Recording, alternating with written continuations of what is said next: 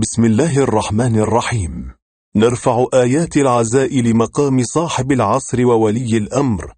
عجل الله فرجه الشريف. في مصاب جده سيد الشهداء عليه السلام.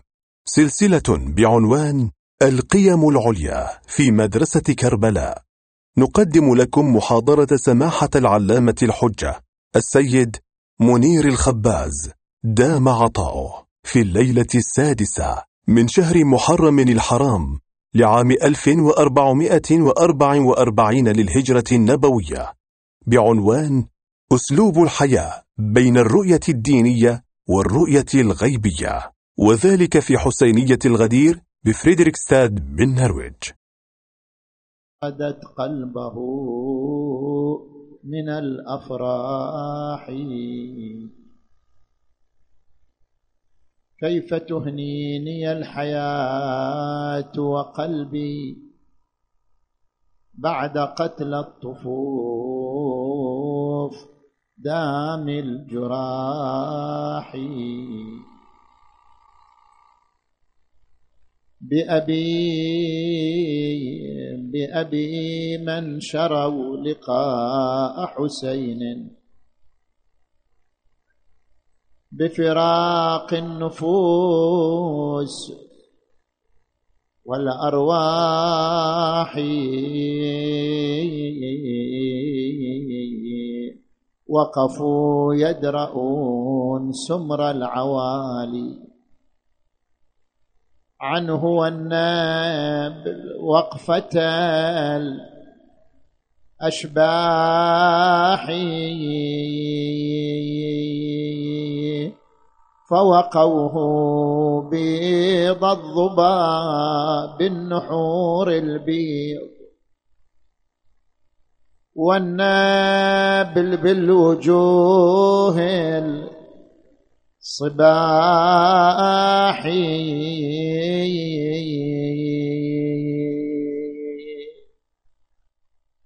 واذا غنت السيوف وطافت اكؤس الموت وانتشى كل صاحي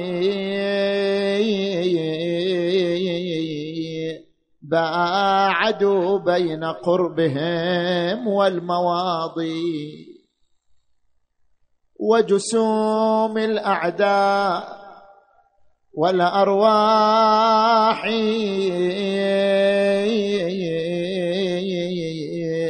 أدركوا بالحسين أكبر عيد.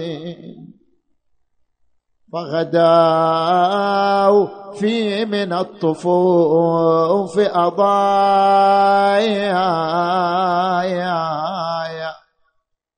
أضايا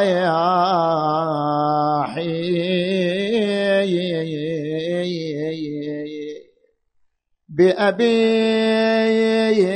الواردين حوض المنايا. حين ديدهم عن الفرات المباح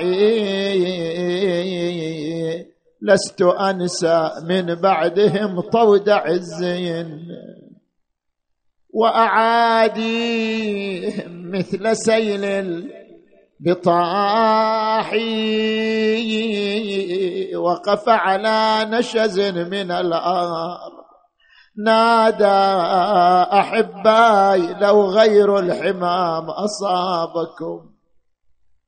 عتبت ولكن ما على الموت معتبوا ينصار دين الله يا فرسان الميادين.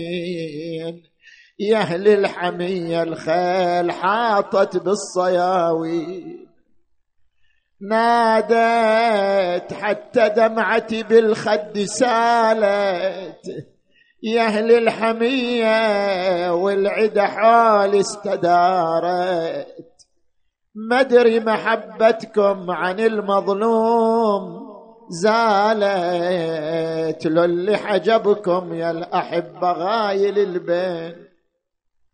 الله المساعد ما بقى يمي مساعد. الله المساعد ما بقى يمي مساعد سبعين ما ظل من السبعين واحد.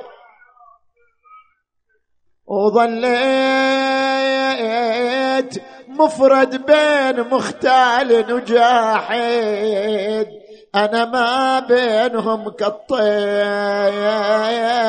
مكسور الجناحين.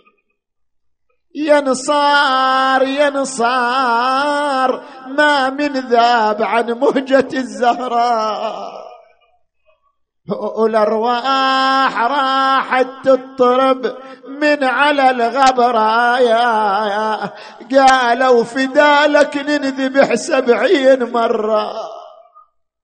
آمر علينا نقول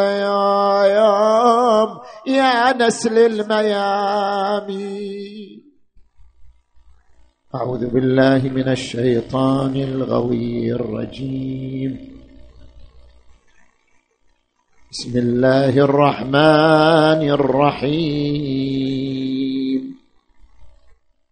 وابتغ فيما آتاك الله الدار الآخرة. ولا تنس نصيبك من الدنيا وأحسن كما أحسن الله إليك. ولا تبغي الفساد في الأرض. آمنا بالله صدق الله العلي العظيم.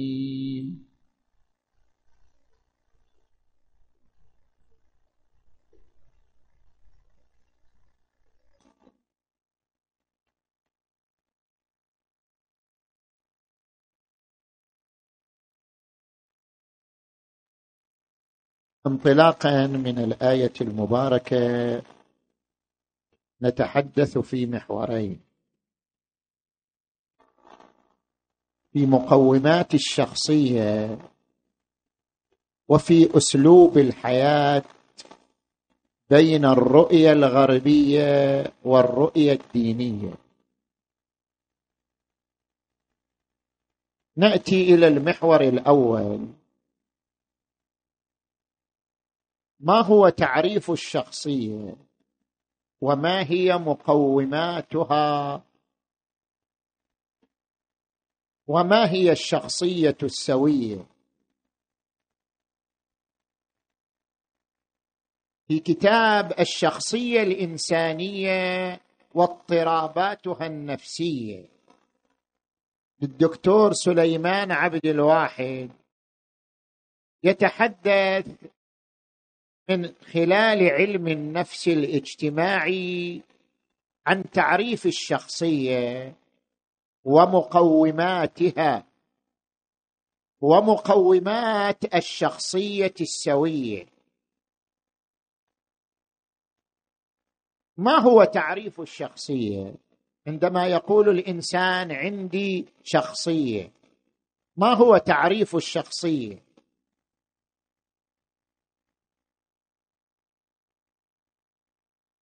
الشخصية كما يعرفها آلبورت وهو من علماء النفس الاجتماعي. الشخصية هي عبارة عن الانتظام الدينامي للخصائص العقلية والنفسية بما يتوافق مع المحيط الاجتماعي. عندما أقول أنا شخصية يعني أن خصائصي النفسيه تتوافق مع المحيط الاجتماعي الذي أنا منه. عندما تتوافق صفاتي وخصائصي مع المحيط الاجتماعي الذي أنتمي إليه بحيث أستطيع أن أبرز طاقاتي وقدراتي ومواهبي في هذا المجتمع فأنا إنسان أمتلك شخصية.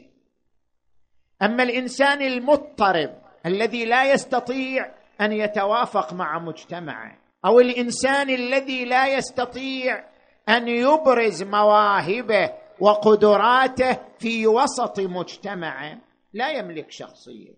الشخصية أن تستطيع التوافق مع مجتمعك وأن تستطيع أن تبرز مواهبك وقدراتك من خلال مجتمعك. ما هي مقومات الشخصية الإنسانية؟ كل إنسان ما هي مقوماته؟ في علم النفس الاجتماعي هناك مقومات ثلاثة. لكل إنسان لكل شخصية إنسانية. النزعه نحو الخير والمعنى في الحياة والامتزاج بين الحرية والمسؤولية. نجي إلى المقوم الأول.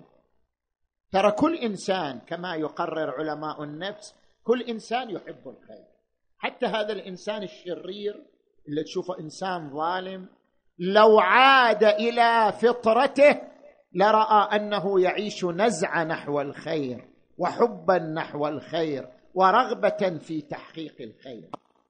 كل إنسان يعيش نزعة الخير بطبعه وفطرته وإنما يحتاج إلى بيئة وأسرة تساعده على تحقيق الخير. وتحقيق مشاريع الخير.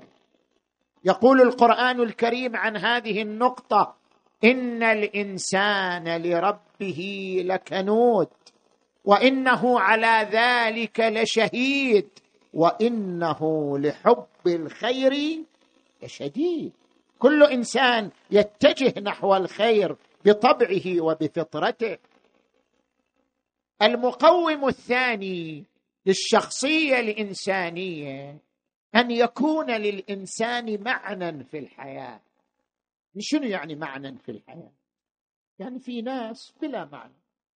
هناك أناس يعيشون بلا هدف يعيشون حياة عبثية يعيشون حياة لا مبالاة فيها. هؤلاء لا يمتلكون شخصية سوية. الشخصية السوية تفتقر إلى المعنى. أن يكون لك هدف في الحياة. كل إنسان لابد أن يقرر ما هو هدفه في الحياة. وإذا قرر هدفه لابد أن يقرر خارطة الطريق التي توصل إلى ذلك الهدف. الإنسان بلا هدف إنسان عبثي عشوائي لا يمتلك شخصية سوية. لذلك يقول القرآن الكريم بل الإنسان على نفسه بصيرة. صاحب البصيرة هو من يملك هدفا ويملك طريقا يوصله إلى ذلك الهدف. المقوم الثالث المزج بين الحرية والمسؤولية. لا يمكن لأي إنسان أن يعيش بلا حرية. كيف يتخذ قراراته إذا هو ما عنده حرية؟ يحتاج كل إنسان إلى حرية الاستقلال في أخذ القرار. قرارات في دراسته قرارات في وظيفته قرارات في زواجه قرارات في وظيفته. يحتاج أن يعيش الاستقلال في اتخاذ القرار. هذا عنصر ضروري في اكتمال شخصية الإنسان لكن لا بد معه من عنصر يمتزج معه. وهو الإحساس بالمسؤولية. هناك أناس يعيشون الحرية لكن لا يشعرون بمسؤولية تجاه أسرهم تجاه مجتمعهم تجاه إخوانهم تجاه أرحامهم. الإنسان لا يكفي لبناء شخصيته أن يعيش استقلالية في القرار بل لا بد أن يمزج بين الاستقلالية في القرار والإحساس بالمسؤولية. وقفوهم إنهم مسؤولون. لا بد أن يكون لك حرية ممتزجة بالإحساس بالمسؤولية. أن تعيش حرية وأن تعيش مسؤولية تجاه وطنك تجاه إخوانك تجاه أسرتك حتى تكتمل شخصيتك. هذه مقومات الشخصية. عندنا أيضا الشخصية السوية. كما ذكرنا هناك شخصية عبثية وهناك شخصية سوية. ما هي معالم الشخصية السوية؟ الشخصية السوية تعيش ثلاثة معالم. المعلم الأول أن يكون الإنسان خاليا من الاضطرابات النفسية والأمراض الخلقية. إذا صار خالي من الاضطرابات النفسية والأمراض الخلقية فهذا أول معلم من معالم استواء الشخصية. المعلم الثاني أن لا يعيش الإنسان شذوذا عن طبيعة مجتمعه. عندما يعيش في وسط مجتمع أن يعيش التوافق مع طبع مجتمعه. إذا عاش شذوذا فهذا يكشف عن عدم استواء في شخصيته الداخلية. والمعلم الثالث أن يكون لأخلاقه ولمواهبه أثر على مجتمعه أثر على أهله أثر على أسرته. قوا انفسكم واهليكم نارا وقودها الناس والحجارة. من هنا ننتقل إلى المحور الثاني. كل إنسان منا يطمح أن يكون شخصية سوية شخصية هادفة شخصية فاعلة. لكن ما هو أسلوب الحياة الأمثل في بناء الشخصية السوية؟ هنا نحن بين رؤيتين رؤية رأسمالية ورؤية دينية. طبيعي الآن أغلب العالم يعيش في ظل النظام الرأسمالي. والرأسمالية لها رؤية خاصة في أسلوب الحياة. أسلوب الحياة يختلف بين الرؤية الرأسمالية وبين الرؤية الدينية. أهم الفقرات أهم المعالم التي يفترق فيها الرؤية الرأسمالية عن الرؤية الدينية هي ثلاثة معالم. الفردانية وثقافة الاستهلاك وعدم ثبات الرؤية. نجي نفصل في كل واحدة من هذه المعالم والركائز. التفت إلي جيدا. الركيزة الأولى الفردانية. شنو معنى الفردانية؟ أنت عندما ترجع إلى الموسوعة البريطانية تتحدث عن الفردانية تقول الفردانية ظاهرة في الغرب ظهرت مع انتشار أفكار آدم سميث. أفكار آدم سميث تركز الفردانية في الإنسان. شنو معنى الفردانية في الإنسان؟ يعني تمحور القيم في الإنسان الفرد. عندنا إنسان مجتمع وعندنا إنسان فرد. عندنا إنسان لا يعيش إلا نفسه. وعندنا إنسان يعيش مجتمعه. الإنسان والفرد هو محور الرأسمالية. تمحور القيم حول الإنسان الفرد. يعني شنو تمحور القيم حول الإنسان الفرد يعني أن لا تتدخل الدولة في حياة الإنسان الفرد وأن تسمح له بقدر أقصى من الممارسة. لماذا؟ لحياته على المستوى السياسي على المستوى الاقتصادي على مستوى العلاقات العامة. أن يسمح للإنسان أن يكون مستقل في قراراته في المجال السياسي في المجال الاقتصادي في المجال مجال العلاقات العامة أن يعطى الحرية الكاملة. هذا معنى تمحور القيم حول الإنسان الفرد. هل الدين يقر بذلك؟ هل الرؤية الدينية تقر بذلك؟ بهذه الفردانية أم لا؟ انتبه لي جيدا. الرؤية الدينية لا تقر بالفردانية على مصراعيها. شلون؟ هناك فرق يا إخوان بين الفردية بين الفردية بمعنى التميز والفردية بمعنى الأنانية. الفردانية بمعنى التميز أن الإنسان يمتلك مميزات على أسرته على مجتمعه مميزات ذكاء. مميزات قدرة بدنية مميزات قدرة فنية مهنية.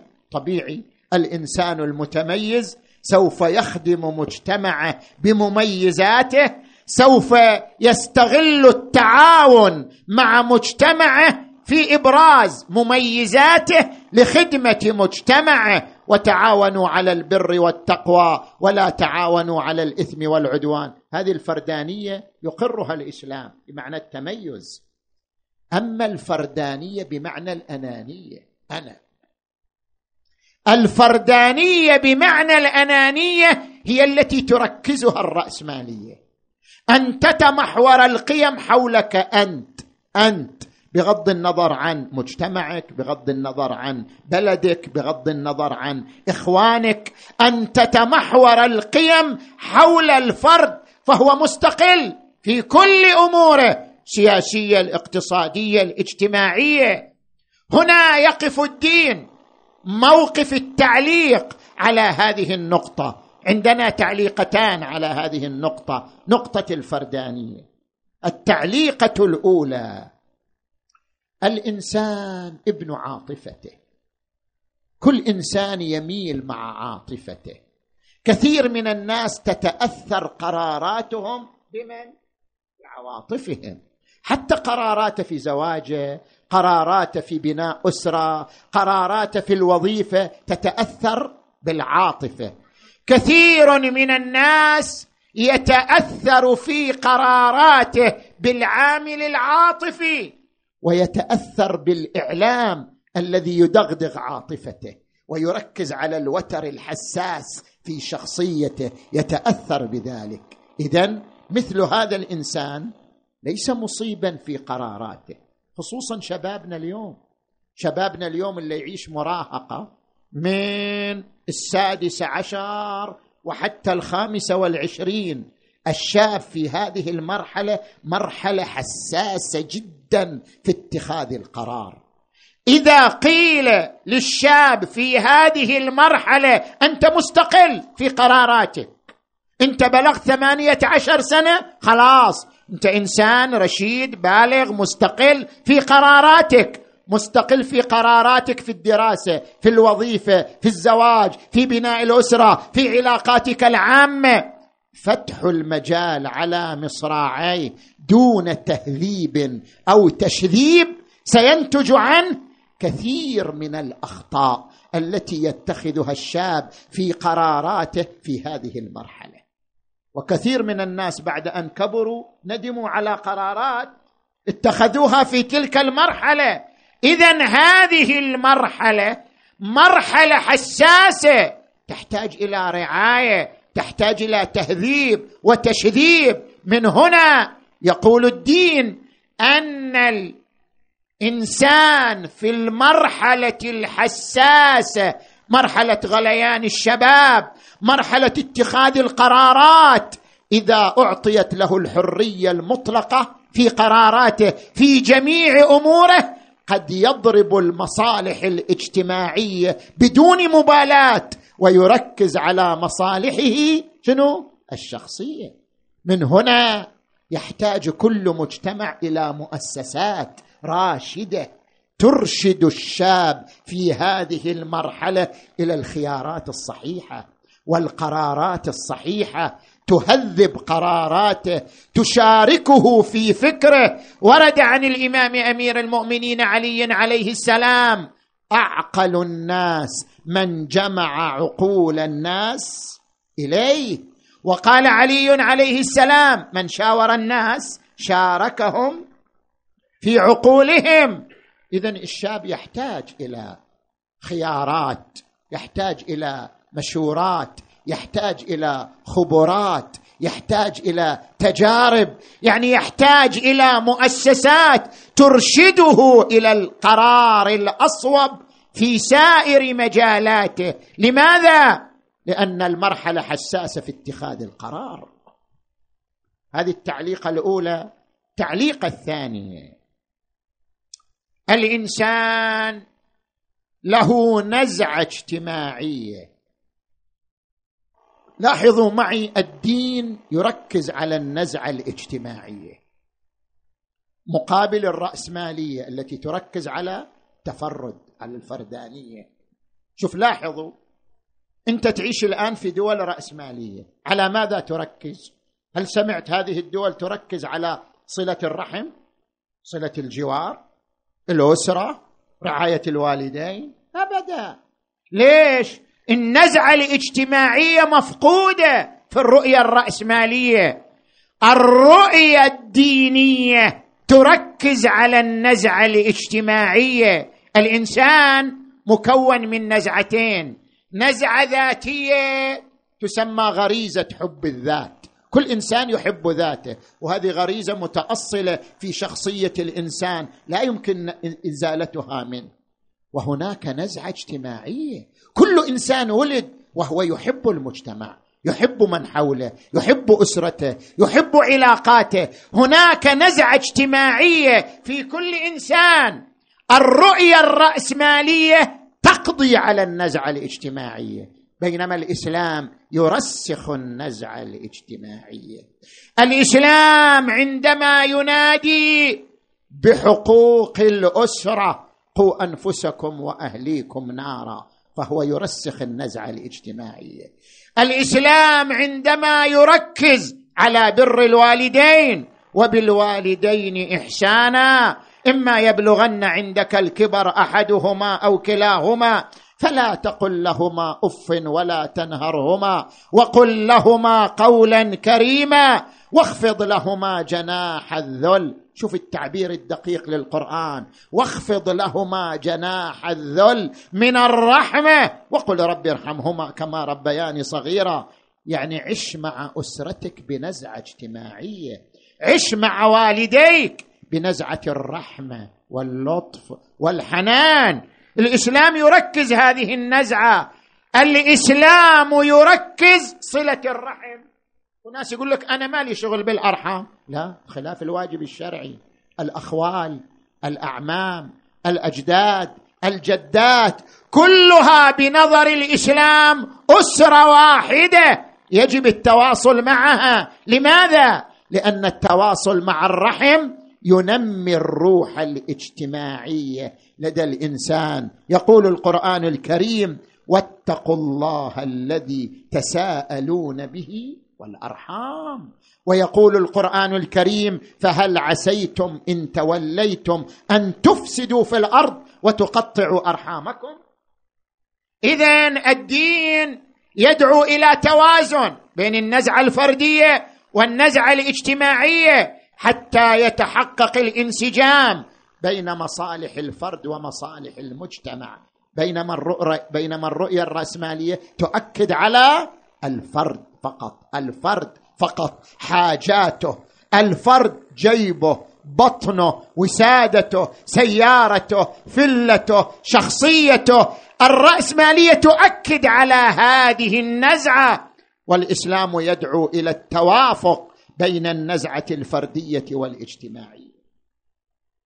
نجي الآن إلى الركيزة الثانية ثقافة الاستهلاك. ما معنى ثقافة الاستهلاك؟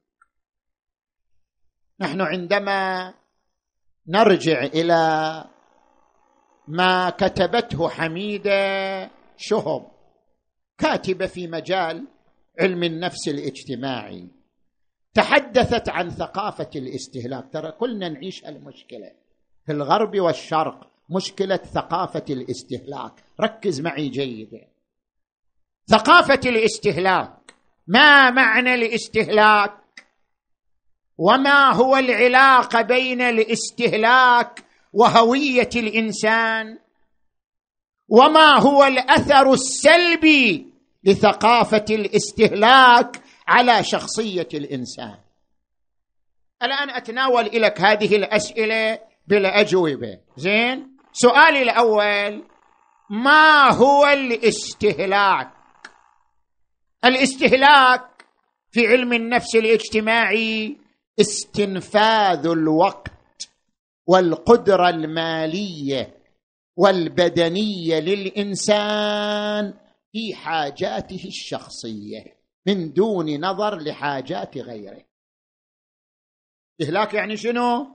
يعني شقد تصرف من أموالك في بطنك؟ شقد تصرف من أموالك في سيارتك؟ شقد تصرف من أموالك في راحتك؟ في وسادتك؟ ما يهم غيرك شلون يعيش.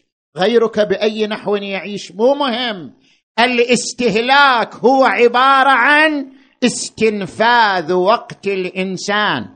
وقدراته المالية والبدنية في إشباع حاجاته الشخصية من دون نظر لحاجات غيره.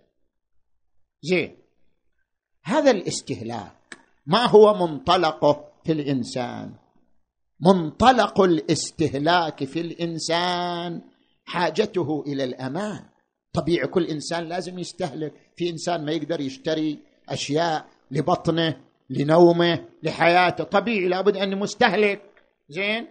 ما الذي يدفع الإنسان إلى الاستهلاك؟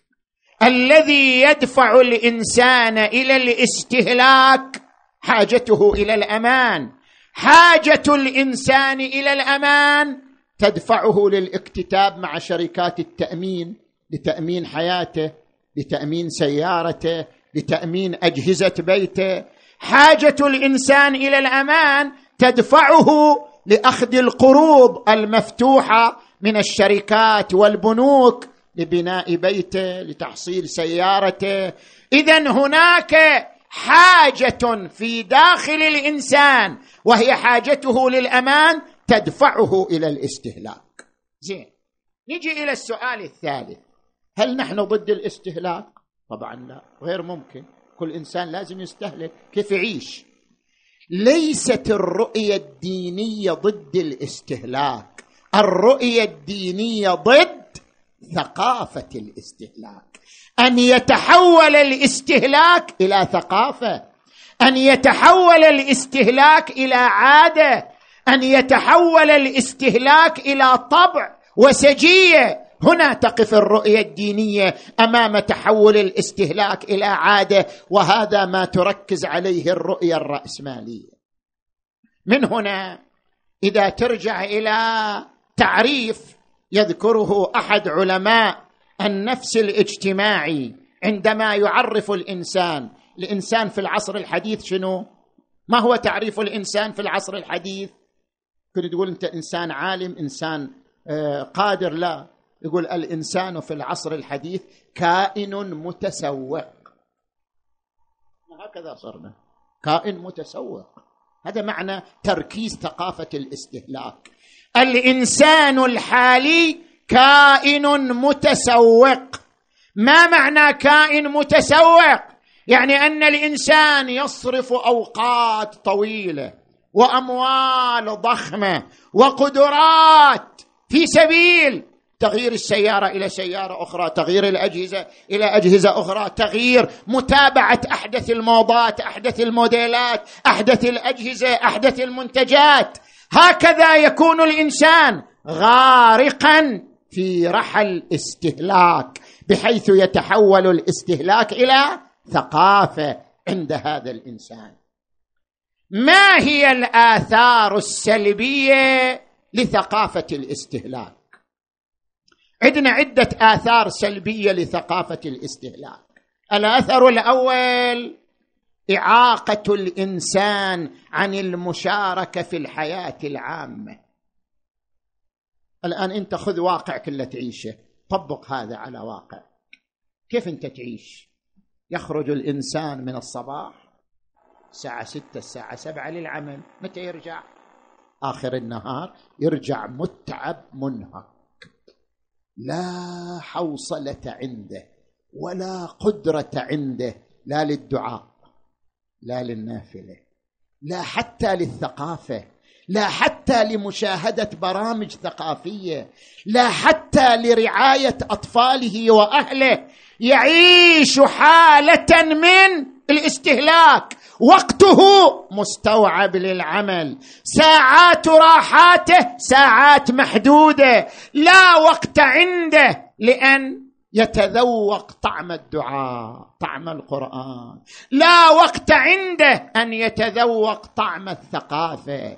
لا وقت عنده أن يتذوق طعم الراحة والاستجمام مع أطفاله لأن وقته مشغول. هذا معنى أن ثقافة الاستهلاك تعيق الإنسان عن المشاركة في الحياة العامة. أين مشاركاتك في الحياة العامة؟ أين عطاؤك لمجتمعك؟ أين عطاؤك لأهلك؟ أين عطاؤك لبلدك؟ أين عطاؤك لأمتك؟ كل وقتك للعمل. كل وقتك أنت مستهلك في العمل وما يترتب على العمل. اذا ثقافة الاستهلاك تعيق الإنسان عن المشاركة في الحياة العامة. تضعف الروح الاجتماعية لدى الإنسان. تضعف الإحساس بالآخرين لأنه يعيش دوامة من الاستهلاك. لا تنتهي هذا الأثر الأول. الأثر الثاني تغيير ثقافة الإنسان. تدري أن شركات الإنتاج تغير ثقافتنا ونحن لا نشعر؟ أنت تصور قبل ما يخترع الهاتف الذكي الموبايل شنو كانت ثقافتنا؟ كانت ثقافتنا على الكتاب صح؟ قبل أن نتعرف على السوشيال ميديا قبل أن نتعرف على السوشيال ميديا كيف كانت ثقافتنا؟ كانت ثقافة مركزة محصورة. شركات الإنتاج. باختراع الهاتف الذكي بالانفتاح على النت بالانفتاح على الفضاء المفتوح بالانفتاح على السوشيال ميديا غيرت ثقافة الإنسان المعاصر. شاء أم أبى؟ شركات الإنتاج مصحوبة بالإعلانات والدعايات والإعلام الجذاب تؤثر على ثقافة الإنسان. شاء أم أبى؟ ولذلك ترى فتياتنا ونساءنا هم أسرع الناس للانجذاب إلى الإعلانات والدعايات يتابعون أحدث الموضات في مستحضرات التجميل ومواد الزينة ومختلف الأزياء. لماذا؟ لأنهم يعيشون ثقافة الاستهلاك. ثقافة الاستهلاك غيرت من ثقافتهم حتى أصبح الإنسان عضوا في مجموعة المستهلكين. الأثر الثالث إشغال حياة الإنسان. ما عنده شغل إلا ويش الموبايل؟ آخر موبايل شنو؟ آخر سيارات شنو؟ آخر أجهزة شنو؟ إشغال حياة الإنسان. هل أضرب لك مثال؟ هذا الإنسان الذي يعيش كما ذكرنا طول السنة مسكين هو في وظيفة. يخرج من الصباح يرجع آخر النهار متعب منهك ما عنده وقت للثقافة. وبمجرد أن تأتي الإجازة الصيفية تجي الإعلانات. كيف تقضي إجازتك؟ في أي بلد ستقضي إجازتك؟ في أي سفرة مريحة ستقضي إجازتك؟ إعلانات للسفر إعلانات لوسائل السفر إعلانات لأفضل البرامج التي تشاهدها. يعني يشغلك طول السنة ويشغلك حتى أيام الإجازة الصيفية. يعني أنت مشغول بمظاهر الاستهلاك في كل حياتك. حتى إذا أردت أن تدخل إلى السوق واحد يريد يدخل السوق يشتري غرض يرجع. لا يستهلك وهو في السوق. السوق ما صارت سوق. سوق قبل أربعين سنة سوق. أما الآن كل المولات الأسواق فيها المطاعم والمقاهي ودور السينما. يعني أنت ما إلك قرار ما إلك فرار. وين تروح؟ أنت مستهلك حتى في السوق حتى أثناء شراء أغراضك وحاجياتك. تستهلك بدرجة ذكية في إشغال وقتك. هذا هو الأثر السلبي الثالث لثقافة الاستهلاك. الأثر الرابع أن أبناءنا وأجيالنا يتربون على هذه الثقافة. الثقافة التي نعيشها تربي أجيالنا على غريزة حب التملك حب الاستئثار حب الخدمة لنفسه ولذاته سيصبح أجيالنا بلا ضمير اجتماعي. بلا إحساس ببلدهم بلا إحساس بغيرهم بلا إحساس بأرحامهم لأنهم عاشوا في ظل ثقافة الفردانية والاستهلاك. الأثر الخامس والأخير يقول هانا أرنت أحد علماء النفس الاجتماعي ثقافة الاستهلاك حولت الإنسان من صانع مبدع إلى حيوان عامل. غير الإنسان أصلا. هذا الإنسان اللي كان صانع مبدع منتج مفكر أصبح شنو؟ أصبح حيوان مستهلك طول وقته. يعمل يعمل يعمل يكدح يكدح لشركة معينة لنتيجة معينة. اذا ثقافة الاستهلاك إذا طغت كما طغت في ظل الرأسمالية نتجت عنها آثار سلبية خطيرة جدا. من هنا؟ ماذا تقول الرؤية الدينية؟ إحنا الآن عرضنا الرؤية الرأسمالية. ماذا تقول الرؤية الدينية؟ الرؤية الدينية تطرح عدة مبادئ. المبدأ الأول قيمة الإنسان بإنتاجه وليست قيمة الإنسان بسيارته. ولا بفلته قيمته بإنتاجه. ماذا يقدم من نتاج وعطاء لمجتمعه؟ ورد عن أمير المؤمنين علي عليه السلام قيمة كل امرئ ما يحسنه ما يقدمه لمجتمعه. لاحظوا يا إخوان الآن كثير من شبابنا عندما يختار تخصص بعد الإعدادية يدخل تخصص. نسميها الثانوية. زين؟ تخصص شنو اللي يختار في التخصص؟ قد يختار تخصص السهل تخصص اللي يجيب أموال أكثر. هذا غير صحيح. هذه مشكلتنا. ثقافة الاستهلاك ربت أبناءنا على أن يختار التخصص السهل أو التخصص الممول. والصحيح أن تختار التخصص الذي يقدم إنتاج أكثر يقدم عطاء أكثر للإنسانية. للحضارة للحضارة الإنسانية لمجتمعك. ما هو التخصص الذي يقدم إنتاج أكثر عطاء أكثر؟ لتكن ثقافتك ثقافة إنتاج. ليبلوكم أيكم أحسن عملا. هذه ثقافتك. لأن ثقافتك بالمال والثروة والراحة. هذه هي عبارة عن ثقافة الاستهلاك. هذا المبدأ الأول. المبدأ الثاني الدين يدعو إلى بناء حضارة. لا تفكر الدين شغلة بس صلاة وصوم. لا لا لا. الدين يدعو إلى الحضارة. يدعو إلى بناء الحضارة. يقول القرآن الكريم هو أنشأكم من الأرض واستعمركم فيها. استعمركم يعني شنو؟ طلب منكم إعمار الأرض. أن تعمروا الأرض أن تبنوا الحضارة على الأرض. القرآن يأمرنا ببناء الحضارة على الأرض واستعمركم فيها. لكن كيف تبنى الحضارة؟ الحضارة لا كما يبنيها الرأسماليون.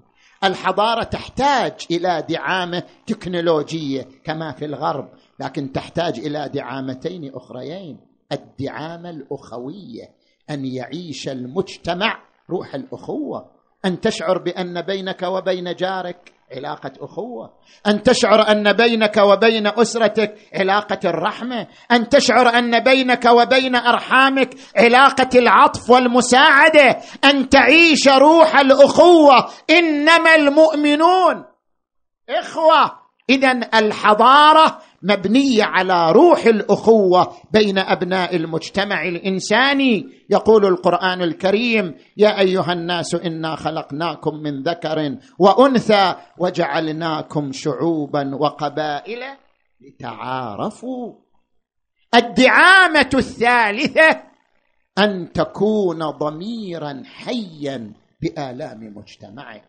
طيب أنت تنتمي إلى مجتمع هذا المجتمع يعيش حاجات ويعيش طلبات ويعيش مآسي وألوان إذا لم تكن ضميرا يشعر بآلام مجتمعه ولا يشعر إلا ببطنه وجيبه ووسادته وسيارته.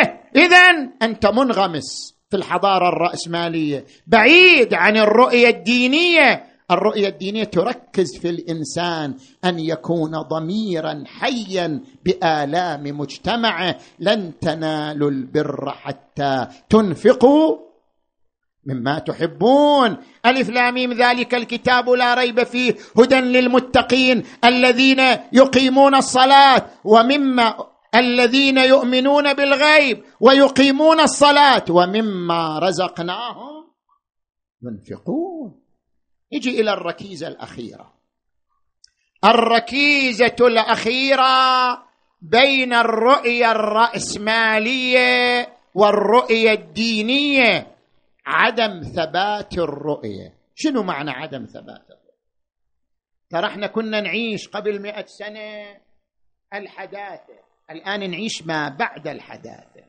الشرق مجرد متلقي ترى. الغرب هو اللي يعطي والشرق الشرق يتلقى. جاءت الحداثة تلقاها الشرق. جاء ما بعد الحداثة تلقاه الشرق. نحن الآن نعيش فترة ما بعد الحداثة. شنو يعني بعد الحداثة؟ منذ خمسينيات القرن الماضي مجموعة من الفلاسفة الألمان والفرنسيين جاءوا بتيار ما بعد الحداثة. خصوصا عالم الاجتماع البولندي باومان. هذا التيار تيار ما بعد الحداثة ماذا يقرر؟ يقرر مفهومين. المفهوم الأول يقول المنظر الشهير لتيار ما بعد الحداثة فرانسو لوباتر يقول إذا لا يمكن تحقيق إنسانية الإنسان إلا بتجاوز الله الوحي النبوة القضاء القدر التشريع السماوي. لا يمكن لنا أن نحقق في العصر إنسانية الإنسان إلا إذا تجاوزنا الدين بكل تفاصيل. هذا تيار ما بعد الحداثة. المفهوم الثاني لا توجد إيديولوجية ثابتة. ما عندنا إيديولوجية ثابتة. كل أفكارنا تتغير. كل أفكارنا تزول. هذا يعني نسف نسف المعتقدات الدينية. لأن المعتقدات الدينية كلها أفكار شنو؟ ثابتة لا تتغير. الله الوحي النبوة القضاء القدر الواجبات الأصول كلها أفكار قطعية ثابتة. بينما تيار ما بعد الحداثة يقول لا يوجد بعد الحداثة أفكار ثابتة. ان تبنوا ساعتك. كل ساعة في فكر كل ساعة في رأي. كل ساعة في حقيقة. لا توجد حقيقة قطعية ولا ثابتة. حتى الأخلاق الآن بدا التنازل عنها. تدري؟ تدري الآن كتابات تكتب أن لا قيمه للعدل ولا للصدق ولا للأمان. يعني حتى القيم والأخلاق بدأ مسخها بحجة أن ليس عندنا مقدس وليس عندنا إيديولوجية ثابتة وبالتالي الأمانة إذا في مصلحتك الأمانة هي زين. إذا مو في مصلحتك الأمانة خلق مو زين. إذا العدالة في مصلحتك فهي خلق جميل. إذا الظلم في مصلحتك فهو خلق جميل. العدل والظلم والامانه والصدق تدور مدار مصلحة الإنسان والقيم الفردية للإنسان وليس هناك أخلاق ثابتة وإيديولوجيات. وهذا تماما يتعارض مع الرؤية الدينية. الرؤية الدينية تركز أن هناك مقدسات ثابتة أخلاق ثابتة قيم ثابتة. ولا يمكن للإنسان أن يحقق إنسانيته إلا إذا عاش هذه القيم الثابتة. أن يعدل ولو كان خلاف مصلحته. أن يصدق ولو كان خلاف مصلحته. أن يكون أمين ولو كان خلاف مصلحته. هؤلاء هم الصفوه المنتخبه الذين حققوا قول الله تبارك وتعالى وابتغ فيما آتاك الله الدار الآخرة ولا تنس نصيبك من الدنيا. جعلوا الآخرة نصب أعينهم صحيح بنوا دنيا تزوجوا أنجبوا اشتروا باعوا لكنهم وضعوا الله نصب أعينهم. فلا يزيغون عن القيم والمثل الإنسانية العظمى. ولا وأحسن كما أحسن الله إليك. ولا تبغي الفساد في الأرض. إن الله لا يحب المفسدين. وقال عنهم القرآن رجال صدقوا ما عاهدوا الله عليه فمنهم من قضى نحوه ومنهم من ينتظر وما بدلوا. تبديلا ما تنازلوا. هكذا كان الحسين بن علي. الذي وضع الله نصب عينيه وضحى بكل ما عنده. في سبيل الهدف الأسمى. لاحظ هالكلمة العظيمة يقولها الحسين. فعلا يرتعد منها البدن ويرتعش منها البدن. إذا سمع هذه الكلمة ألا وإني زاحف بهذه الأسرة. كل اسرتي كل ما عندي أقدمه لهذا الهدف العظيم. ألا وإني زاحف بهذه الأسرة مع قلة العدد وخذلان الناصر. والله لا أعطيكم بيدي إعطاء الذليل ولا أقر إقرار العبيد. هكذا كان الحسين وهكذا استقى منه أصحاب الحسين. من أعظم الأصحاب حبيب بن مظاهر بواب الحسين. هذا الرجل العظيم. تدري أن حبيب بن مظاهر بشره الإمام علي بالشهادة. قال سترزق الشهادة يا حبيب. حبيب كان من أصحاب الإمام علي. خاض معركة صفين وما حصل على الشهادة. خاض معركة النهروان. ما حصل على الشهادة. قال يا أبا الحسن وعدتني بالشهادة. ولم أحصل عليها. متى أنالها؟ قال حبيب لا تعجل. سترزق الشهادة بين يدي رجل. الشهادة بين يديه. أفضل من الشهادة بين يدي. قال سبحان الله. اكو واحد الشهادة بين يديه افضل من الشهادة بين يديك وانت امير المؤمنين. قال بلى قال من هو؟ قال الشهادة بين يدي الغريب أبي عبد الله. الشهادة بين ولد الحسين أفضل وأعظم. وصار حبيب ينتظر ذاك اليوم. متى يجي يوم السعادة؟ متى يجي يوم الشهادة حتى ينالها يوم من الأيام؟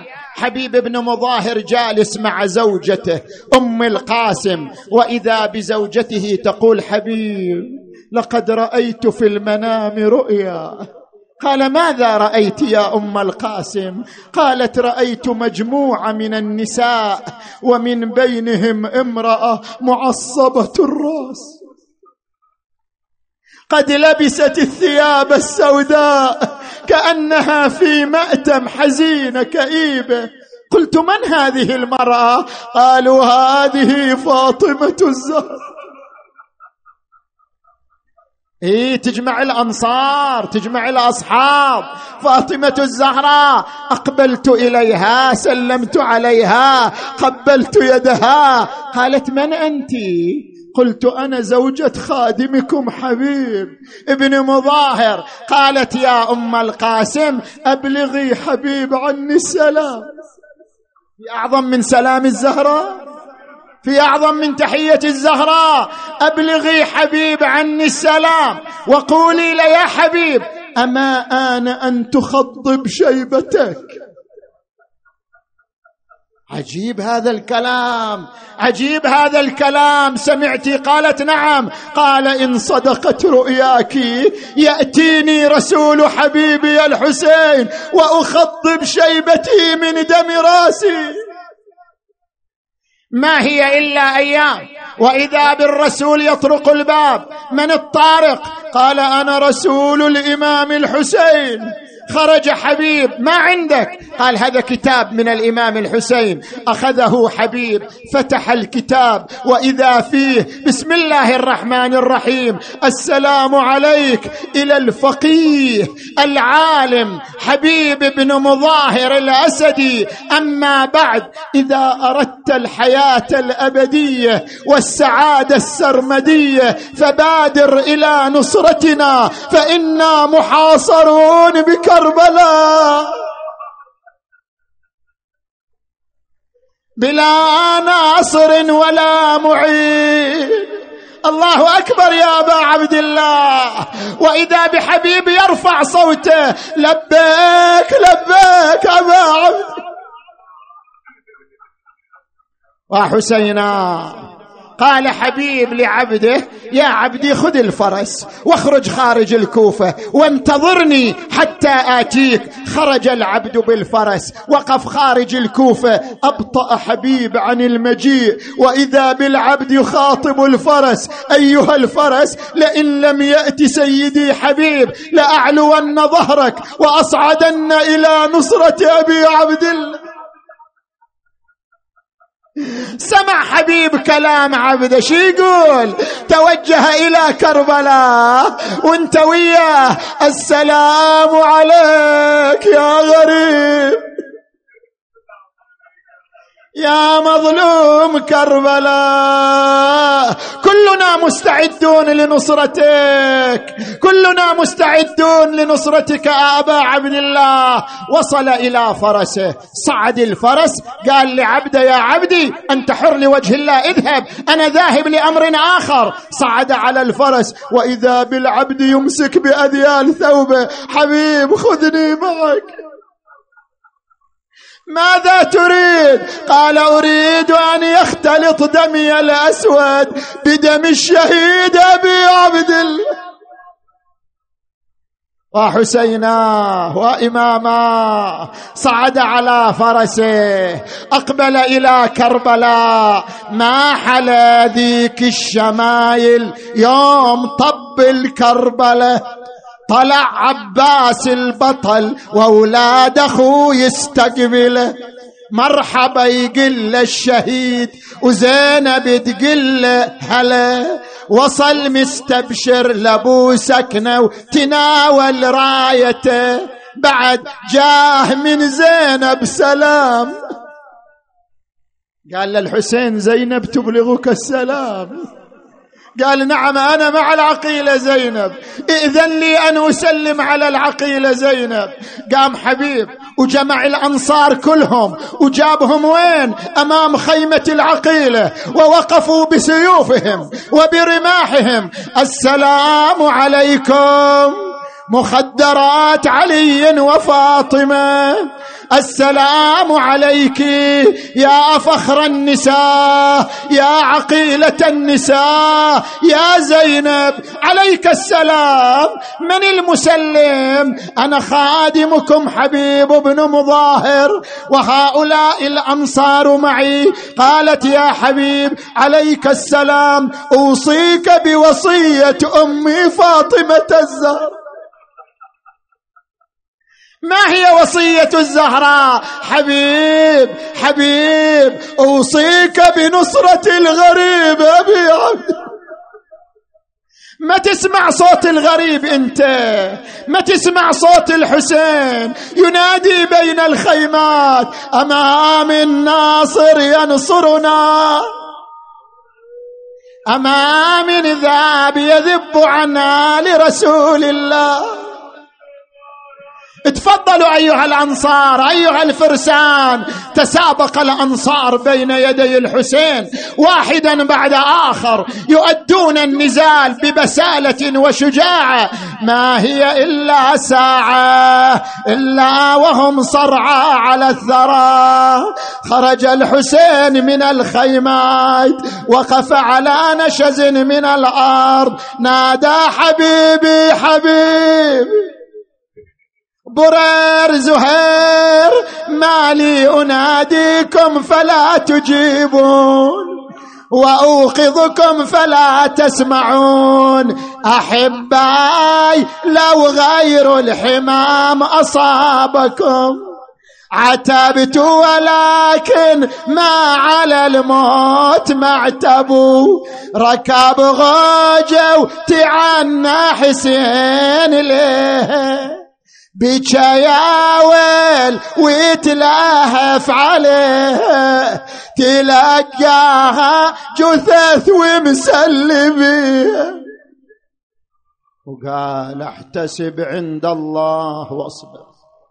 يا الله بالأمس كانوا معي واليوم قد رحلوا. اللهم بحق أصحاب الحسين بحق أنصار الحسين اللهم تقبل أعمالنا واشف مرضانا ومرضى المؤمنين والمؤمنات واقض حوائجنا وحوائج المؤمنين والمؤمنات وفقنا والمؤسسين والمؤمنين لما تحب وترضى وارحم أمواتنا وأمواتهم اللهم صل على محمد وآل محمد اللهم كن لوليك الحجة بن الحسن صلواتك عليه وعلى آبائه في هذه الساعة وفي كل ساعة وليا وحافظا وقائدا وناصرا ودليلا وعينا حتى تسكنه أرضك طوعا وتمتعه فيها طويلا. برحمتك يا أرحم الراحمين وإلى أرواح أمواتكم وأموات المؤمنين والمؤمنات الفاتحة قبلها الصلوات.